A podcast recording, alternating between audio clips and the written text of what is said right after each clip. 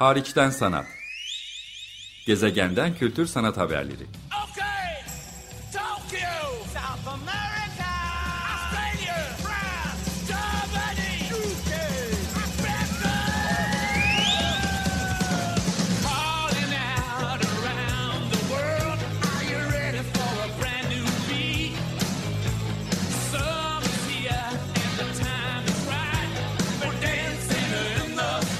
Hazırlayan ve sunan Çelenk Bafra Zorlu Holding Sürdürülebilirlik Platformu Akıllı Hayat 2030, herkes için daha yaşanabilir bir dünya diler. Merhaba, iyi haftalar. Açık Radyo'da Hariçten Sanat programındasınız. Ben programcınız Çelenk. Bugün Murat Alat konuğum. Hatırlatmak adına bundan yıllar önce bir Venedik Bienali değerlendirmesi yapmıştık birlikte. O zaman da e, bir program kaydetmiştik. Açık Radyo'nun Hariçten Sanat kayıt arşivlerinden erişilebilir. E, Murat Alat bir yazar, programcı. Bugün de zaten bu alandaki çalışmalarından bahsedeceğiz. Ve aynı zamanda Saha Stüdyo'nun Ocak ayından beri katılımcılarından biri. Sanatçı olmayan da uzun süreli tek katılımcısı olduğunu da vurgulayayım. E, hariçten sanatın geçtiğimiz 5 programı Saha Stüdyo'da Murat'ın da birlikte çalışmakta olduğu sanatçılarla yapıldı. Ve son olarak da programı tamamlamak adına Murat'la bir araya geliyoruz. Bu kaydı da e, yeni Sölöz'de yapıyoruz. Zaten şimdi konuyu ona getireceğim. Murat hoş geldin. Ha, hoş bulduk Çelenk. Esasen ben sana misafirim burada. Evet, Ee, sen hoş geldin. Bursa'ya bağlı Yeni Selöz'de balkondayız. Karşımızda Lebi Derya hem İznik Gölü manzarası var hem yemyeşil bir vadi var oldukça da yükselmiş durumdayız. Burası aynı zamanda senin memleketin, aile evin. Buradan konuya girmek istiyorum. E, neredeyiz biz? E, senin için ne ifade ediyor içinde olduğumuz? Neredeyiz biz? Biz İstanbul'a bir buçuk saat uzaklıkta bir dağ köyündeyiz aslında. Bursa olarak geçse de Bursa'dan biraz uzak. İznik Gölü'nün kenarında arkasında dağlar olan eski bir Ermeni köyü. Ve burası benim içinde doğup büyüdüğüm yer değil ama hayatımın önemli kısmını geçirdiğim bir yer ve duygusal bağlarımın olduğu bir yer. Aynı zamanda sık sık kaçıp geldiğim ve dinlenebildiğim bir yer. E, Şimdi yavaş yavaş bu dinlenme anlarında arkadaşlarımla, sevdiğim insanlarla ya da tanışmak istediğim insanlarla paylaşmak istiyorum. Saha Stüdyo ile bu yaptığımız gezi de aslında bunun ilk etabı. Deneme sürümü gibi bir şey diyebilirsin. Ama yani burayı açmak, kalabalıklaştırmak ve üretime yönelik düşüncelerin oluşması için, nüvelerinin filizlenmesi için bir imkan sağlamak istiyorum. Sen belki onu sormam e, iyi olur. E, iki buçuk yıl kadar doğrudan burada yaşadın Burada değil mi? yaşadım, Bir evet. nevi e, inzivaya da çekildiğin, kendinle kaldığın, belki hayatında bazı şeyleri değiştirdiğin, dönüştürdüğün e, bir döneme de tekabül ediyor bu. Öncesinde e, Murat Alat'ı çok tanımayanlar için onun İstanbul'da çok çeşitli sanat kurumlarında da profesyonel geçmişi olduğunu e, vurgulamak iyi olur. Ee, İstanbul Bienalinde Fransa'da Türkiye mevsiminde birlikte de çalıştık. İstanbul Kültür Sanat Vakfı'nda çalıştı uzun süre. Arter, Salt gibi kurumlarda proje yöneticiliği gibi roller edindin ve yeri Sölöz'e aslında çekildiğin o iki iki buçuk yıllık dönem senin güncel sanat yazarlığı alanındaki deneyimini belki de kariyerini demek lazım bu alanda bu alana odaklanmanı sağlayan bir dönem oldu. Nasıl başladı her şey? Nasıl yazıyı odaklanmayı ve bütün bu farklı farklı güncel sanat ekseninde işte kurumlarda organizasyon yapmak, proje yönetmek, prodüksiyon yapmak, e, tabii ki sanatçılarla çok yakın çalışmak ama daha ziyade seçmek adına yazıya odaklandığın dönem nasıl geliştiğini soruyorum. Aslında benim yani 8 yıllık bir profesyonel geçmişim var. Gerçekten kurumlarda prodüksiyon değişik aşamalarında çalıştım. Ama bunlar aslında şansın beni getirdiği noktalardı. Bir taraftan akademik çalışmalarım ve entelektüel merakım devam ediyordu. Ben bir süre bunları beraber götürmeyi denedim. Ama sonra zaman kısıtlı bir şey ve bunların beraber gidemeyeceğini anladım. İkincisi de prodüksiyon hayatı her ne kadar zevkli olsa da güzel karşılaşmalara izin verse de entelektüel merak bir yerden sonra daha ağır basıyor. Bir de tabii insan kendini ortaya koymak istiyor. Kişisel bir şey bırakmak istiyor. Yani sanatla bu kadar içeyken, sanatçıyla bu kadar içeyken aslında onlar gibi özgür olabilmek ya da fikir beğendirebilmek ya da olduğun kişiyi ortaya koyabilmek çok çekici bir şeydi. Ve çeşitli sebeplerden dolayı işlerimden ayrıldıktan sonra aslında biraz nefes almak için ve yeniden başlayabilmek için buraya geldim. Tabii ekonomik sebepler var. Yani burada her şey çok daha net, berrak ve zaman çok daha ağır akıyor. Ve okumaya ve yazı yazmayı öğrenmeye başlayabildim. Ve ufak ufak yazmaya başladım. Yani ilk yazımı aslında Artel'de çalışırken yazmıştım ama çok amatörce bir yazıydı o. Sonra buraya gelince o yazımın üstüne insanlar benim yazabileceğimi düşündüler. Ve ben de bir denedim. Ve bunun arkası geldi. Yani yazılarım bazen iyi karşılandı, bazen kötü ama bir şekilde beni çektiler bu dünyanın içinde. Ve ben en sonunda hem prodüksiyon geçmişimde tanıdığım insanlar, şahit olduğum şeylerden bir şeyler devşirmeyi öğrendim. Hem de bütün entelektüel merakımın bir meyvesini görebildim. Ve bu çok keyifli bir şey olmaya başladı. Ve sanatın içinde kalmak için de çok anlamlı oldu. Yani o ikili yaşamdan tek bir yaşama geçtim ve bir huzur buldum aslında. Yani iki buçuk yıl burada da bu yazarlık kariyerimin ilk tohumları atıldı. Yani yazarlık garip bir şey. Yazar olmayı hiç düşünmüyordum ve yazı yazmayı öğrenmek gerçekten zor bir işmiş. Şu anda ne kadar öğrenebildim onu tam bilmiyorum ama ben burada deneye yanına, deneye yanına, deneye yanına iki buçuk seneyi tamamladım. Sonra buradaki misyonum bitmişti. Burada artık daha fazla kalmamın bir anlamı yoktu. Ve İstanbul'a geri dönüp orada bu sefer bir entelektüel yani haddim aşıyorum ama yine de bir entelektüel maskesi altında üretim yapmaya devam ettim. Yani onlardan da bahsederiz Tabii, birazdan tabii. yani buraya bağlanan şeyle.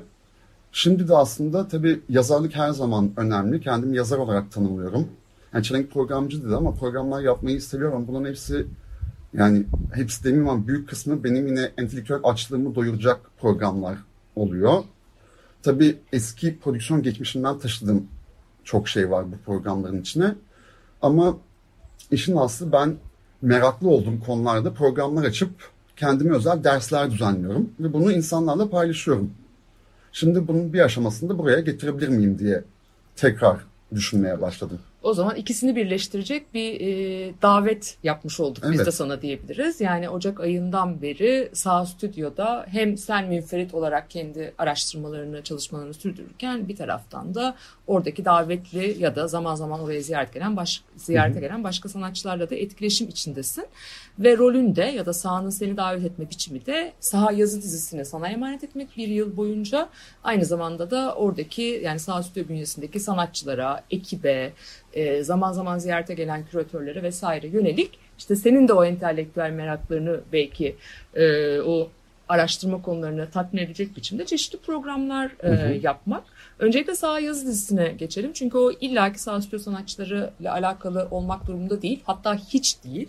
Ama sağ yazı dizisinde neler denedin, neler yapıyorsun istersen biraz Aslında- onlardan bahset. Yani saha yazı dizisi ne yapıyorum? Bir kere ben bu sürecin yani 11 yazı yazmam gerekiyor ve bir bütünlüklüğü olmasını istedim ve kalıcı olsun diye bir hedef koydum. Ama tabii yani ben bir yazı yazacağım ve kalıcı olsun diye açıldığınızda önünüzde bin bir tane seçenek var. Ve bana sahayla bir taraftan bağlantılı olması gerektiği hissi geldi. Ve sahanın da 10. yılı, bu da güzel bir tesadüf. Ben de sahanın bugüne kadar desteklediği projeler içerisinden bir şekilde bağlantılı olduğunu düşündüklerimi seçip onları aynı hatta buluşturacak yazılar yazmak istedim. Yani bu yazılarda eser eleştirisi değil, eser yorumlaması değil, daha çok deneme tarzı şeyler. Yani özgür metinler, işlerden ilham aldığım ama bir taraftan da kendi düşünce hattımı ortaya koyduğum, fazlasıyla kişisel fikirlerimi barındıran bir yazı dizisi çıkıyor şimdi ortaya. Bundan çok memnunum aslında. Yani 6-7 yıldır yazarlık yapıyorum ve ancak bu son bir senede gerçekten kendi dilim dediğim şeyin oturmaya başladığını gördüm. Ve saha yazısını da buna imkan sağlaması için kullanıyorum aslında. Şu anda dördüncü yazını Evet, yazıyorsun. dördüncü yazımı Belki zorlana zorlana yazıyorum. E, Ama yazmak her zaman zorlanılan bir süreç olsa gerek. E, kimler üzerine yazdın? Belki kısacık ondan da bahsedebilirsin. Sonra Şimdi- da programlara geçmek istiyorum. Yani benim yani zaman içerisinde bu düzenlediğim etkinliklerle beraber ilgi edindiğim bir madde konusu oldu. Yani maddenin halleri diyeceğim buna. Yani sanatta maddenin, malzemenin önemi. Bu klasik anlamda bir malzeme değil tabii. Yani dünyayla nasıl iletişime geçiyor? Yani taşla, toprakla, havayla, suyla sanat eseri nasıl iletişime geçiyor ya da bunları kullanan sanatçılar üzerineydi. Yani bu zaten benim akademik hayatımda takip ettiğim bir yoldu ve bu yolda bu hedefte çalışan sanatçılarda da bir pattern oluştuğunu görmeye başlamıştım. Özellikle son 3-5 yılda gittikçe artan bir ivme var. Yani bu isterseniz İstanbul Bienalinin tarihine yani son sergisine bakın, son 2-3 sergisine bakın, Bakargev'in Bienali'ne bakın. Yani e, zaten bunun hepsi ilişkili yani. Orada onu gördüm, bundan etkilendim derken ben de madde üzerine düşünen, maddeyi değişik şekillerde kullanan 11 sanatçı seçtim. Ve aslında yaptığım bir nevi naif kurasyon. Yani hepsine ben sergi açıp işleri yan yana getiremiyorum. Ama işler üzerine denemeler yazarak onları birbirine eklemleyip aslında bir sergi oluşturuyorum. Yani kuratör olmak gibi niyetim hiç zaman olmadı. O başka Ed- editoryal disiplinde. bir seçki Evet, diyebiliriz buna editoryal bir seçki. Yani ama yani tabii editoryal bir seçki ama yani şey de var yani o işlere en azından nacizane bir şekilde bir perspektif açmaya çalışıyorum. Yani o işleri tekrardan canlandırarak aslında yani biliyorsun yani bir iş sergileniyor ve bazen kalıyor orada. Bellekte, kitaplara aktarılıyor. Aslında benim yapmaya çalıştığım da bu işleri tekrardan canlandırmaktı. Yani tekrardan bir okuma açmak, yaşatmak, o deneyimi canlı kılabilmekti. Tabi burada şöyle bir sorun var. Bu işlerin bazılarını ben şahit oldum. Bazılarını sadece dokümanlardan öğreniyorum. Sanatla ilişkimiz zaten çoğu zaman Evet. böyle değil mi? Hani gidip görebildiklerimiz kadar üzerine okuduklarımız, kitaplarda gördüklerimiz, takip ettiklerimiz kadarıyla sanatı aslında öğreniyoruz, üzerine düşünüyoruz, yazıyoruz, Evet, konuşuyoruz. Ne yazık ki böyle yani. Bunun tabii bunun tarafında olanlar, karşısında olanlar da var. Yani bunun iyi yanları da var, kötü yanları da var. Ama bu yazı dizisinde tabii sanatçılarla geri geldiğinde muhabbet ederek, onların fikirlerini alarak, o deneyimleri dair, yani o deneyime dair onlardan bilgi alarak bunu devam ettiriyorum. Benim için iyi bir zorluk. Ama üstesinden gelmek hoşuma gidiyor. Bir de yani sanat yazarı olarak en sevdiğim şey kendime engeller koyup o engelleri aşmak. Yani sadece sevdiğim işleri üzerine yazmak değil, yazmamın zor olduğu eserler üzerine. Mesela Sarkis üzerine yazacağım. E, Sarkis bugüne kadar en çok korktuğum sanatçılardan bir tanesiydi. Ne kadar çalışsam da içini nüfus edemedim. Şimdi ama Sarkis üzerine yazmak zorundayım. Kendime bunu biçtim. Ben de Sarkis üzerine yazarken her zaman çok korkarım. Bir de Sarkis okuyacak diye de ekstra korkarım açıkçası. Kolay değil üzerine yazmak. İlk defa bu yazı serisinde sanatçılar okuyacak diye korkmaya başladım. Ee, aslında 11 sanatçının listesini yapmayacağım şimdi. Evet Yani ama, belki şeyi kimleri- vurgulayabiliriz kısacık. Bu yazılar İngilizceye de çevriliyor. Tabii, Dolayısıyla Türkçe ve İngilizce olarak e, Saha'nın web sitesinden saha.org.tr'den Saha yazı dizisi bölümünden okunabilirler. Bundan sonrakiler de her ay yeni bir yazı yayınlamaya çalışıyoruz. Murat'ın yazılarını yayınlamaya çalışıyoruz o mecradan. Ya da Saha'nın sosyal medyasından da takip edilebilir diyelim. Şimdiye kadar ki üç yazıyı hangi sanatçıların işleri üzerine yazdığından bahsedersen istersen devam ederiz. Yasemin Özcan Kaya ile Ban Cenetoğlu'nun bir işi üzerine yazdım. Seni endişelendiren ne diye. Ali Miharbi'nin üzerine üzerine yazdım. Wind organ işi üzerine. Rüzgar organı, gibi orgu diye çevirebileceğimiz. Bir de Hera Büyüktaşçı'nın bir işi üzerine yazdım. Yani Banu'la daha çok materyalin yani binalar, taş, yapı ve enerji dalgaları gibi metafizik konularla ilgilenen işlerdi. Hera suyla ilgileniyordu. E, Ali havayla ilgileniyordu. Ve ben bütün bunların arasındaki ilişkiler üzerine bir şekilde yazıyordum. Yani bu derleme bir araya geldiğinde aslında nacizane bir teorisi olacak bunun.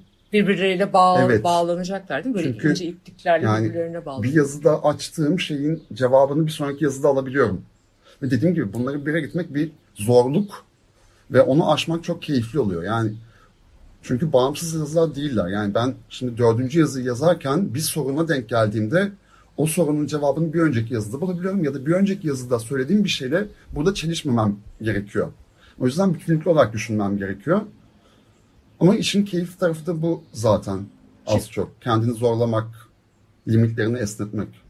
Şimdi Guido Casaretto Evet, Guido üzerine Casaretto'nun- bir yazı hazırlıyorsun. evet. Belki buradan şimdi Evet. bunu duyurabiliriz. Ghost of Matter adlı sergisinin üzerine yazıyorum. O da maddeye dair, yani zaten Guido'nun sergi işlerini her gördüğümde burada garip bir şey var anlayamadığım diyordum. Ve Saha'nın desteklediği proje içinde kendisi çıkınca ve sergisinin adı da Ghost of Matter'sa yani artık değinmeden geçmem olmazdı. O yüzden çok iyi bir yere düştü. Tek kötü yanı yazılar imbikten damıtılarak gibi çıkıyor. Normalde biz bu kadar kısa uzun sürede yazmıyoruz yazıları. Yani bir sergi eleştirisi noktasında iki günde çıkıyor onlar. Yani bu sistemin kendi yapısından kaynaklı şeyler. O kadar zamanınız olmuyor. Daha çok yazı yazmanız gerekiyor. Şimdi ben sahanın sunduğu imkanla gerçekten maksimum süreyi ayırıp başka yazı siparişi almayıp başka yazılar yazmayıp bütün hatta başka şeyler okumayıp sadece bununla yazanı okuyup bütün konsantrasyonumu buna adıyorum. Ve bu da kolay ele geçen bir fırsat değil bir yazar için açıkçası. Yeni Söröz'e geri ışınlanalım mı? E tamam. içinde bulunduğumuz yere. Şimdi burada saha stüdyo sanatçıları ve ekibiyle birlikte sana misafiriz. Ama bu tabii ki dostane bir misafirlik. Ama bir taraftan da uzunca süredir misafir sanatçı programları ya da işte sanatla ilgili başka bir takım programlar içerisinde belki pandeminin de etkisiyle ama diğer yandan da hakikaten e, hayat gailesiyle sürekli koşuşturma halinde olmamız, belki içinde bulunduğumuz güncel sanat alanının fazlaca profesyonelleşmesi gibi muzdarip olduğumuz pek çok şeye de kısa süreli bir panzehir ya da onlardan kısa süreli bir kaçış imkanı da diyebiliriz. Biraz buraya inzivaya çekilip birbirimizi daha iyi tanımaya, sanat elbette konuşmaya ama başka şeylerden de birbirimize bahsetmeye geldik ve bu e, imkanı, bu bağlamı bize sen sağlamış oldun. E, biraz da bizimle samimiyetinden de zaten başka türlü bir hukukumuz ve mesaimiz de olduğu için sağ stüdyo bağlamında bizimle bazı şeyleri de deniyorsun. Tıpkı yazılarında denediğin gibi belki burayı bir program mekanına dönüştürmeyi, bir misafirhaneye dönüştürmeyi deniyorsun. Neler var aklında ve şu birlikte geçirdiğimiz bir iki günlük süreç sence nasıl geçti bunu test etmek anlamında? Aslında e, konu ister sanat olsun, ister başka bir şey olsun, ister politik mücadele olsun. Bence yani en değer verdiğim şey bir araya gelmek, bir arada durabilmek. Yani bunu çeşitli örneklerini denedim hayatımda. insanları bir araya getirmek. Yani aslında denediğim programlarda da saha için yaptığım, dışarıda yaptığım, konu için yaptığım programlarda da değişik alanlardan insanları bir araya getirmeye, temas ettirmeye çalışıyorum. Ben o muhabbetin değerini bilmeye çalışıyorum. Ve şimdi elimde böyle bir imkan var. Bir alan var, boşluk var. Doğanın içinde sakin, pratik yani mütevazı bir yer ama gayet işlevsel olabilecek bir yer. Bu bir araya gelmek için insanları buraya çağırmak istiyorum. Yani Sahara'da da aslında bu yüzden çağırdım. Çünkü senin dediğin gibi yani aşırı profesyonellik, günlük hayatının hayhuyu içinde bazı şeyleri konuşmuyoruz. İşte small talk'larla geçiştiriyoruz. Kibarlık cevapları veriyoruz. Ve çok uzun sürede şahit olduğun, yani varlığına şahit olduğun, çok uzun sürede yanından geçtiğin insanlarla bile yabancı kalabiliyorsun aslında. Yani 15 yıldır tanıyorsun, pek çok şey yapmışsın ama çok yabancısın ona. Ve ben gerçekten dostluk imkanının en özgürleştirici imkanı olduğunu düşünüyorum. Sanatın da sevdiğim yanı, yani pek çok kötü şeyi olmasına rağmen bu dostluğu mümkün kılması. Yani bizim bir tamam bu laf çok kullanıldı bir cemaat oluşturmamız. Yani bunu politik anlamda. Ve bunun gücüne inanıyorum. Ben açılışları da severim yani. Orada bir doğum günü partisidir açılışlar. Gidersin orada eski bir dostunu görürsün. Yani şehrin herhangi bir yerini anlık olarak işgal edersin çok kısa bir süre ve orada yani tamam sanat görülmez belki ama önemli olan sanattan başka bir şey vardır. Bir muhabbet imkanı çıkar. Ben de bu muhabbet imkanını bu köye taşımak istiyorum. Ee, sahada benim ilk denemem aslında. Yani yemek yaparken nasıl muhabbet edeceğiz? Temizlik yaparken nasıl muhabbet edeceğiz? Yani gece bir saatten sonra uzatılmış bir muhabbette ne konuşacağız? Ve bunların hepsinde bir otorite olmadan bir rahatlık içinde nasıl yapacağız konusuydu. Ve galiba da iyi geçiyor. Benim için stresli biraz tabii çünkü çok mahremimi açmak köy. Yani benim hayatım köy ve İstanbul arasında gidip geldi ama bulaşmadılar hiçbirbirine. İstanbul'dan arkadaşlarım çok az geldi köye. Köyden de çok az arkadaşım İstanbul'a geldi. Bir iki geçmez. O yüzden hep ayrıydı. Şimdi mahremimi açıyorum aslında. Bunun tabii biraz stresi var. Ama bu da geçecektir. Ve bundan sonra da tabii dediğim gibi mütevazı bir program. Yani şu anda imkanlar neyi gösterecek belli değil. Ama bunu daha uzun süreli, daha gelişmiş küçük kamplara çevirmek istiyorum. Benim seçtiğim belki açık çağrıyla gelecek insan grupları. Ben şeye inanıyorum Çelenk bu 80'lerde falan fotoğraflar görüyorsun. Bir masanın etrafında ressamı, edebiyatçı, sinemacısı herkes oturur. Ve benim sanat dünyasındaki yolculuğumda fark etmiş şeylerden bir tanesi bunların artık olmadığıydı kolay kolay. Birkaç istisna dışında disipline bölündük ve disiplin arasında geçişler yok. Ben bunu daha önce delmeye çalıştım kendi etrafımı örgütleyerek.